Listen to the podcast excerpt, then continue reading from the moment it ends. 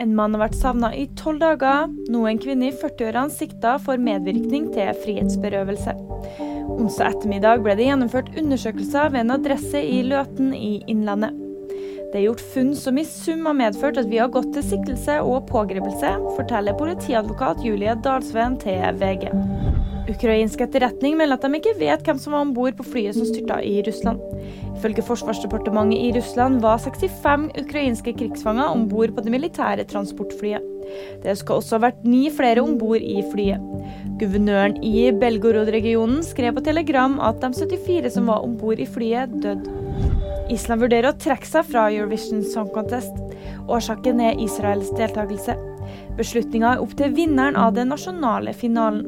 Det sier sjefen i den islandske kringkasteren RUV, Stefan Eiriksson, til egen kanal.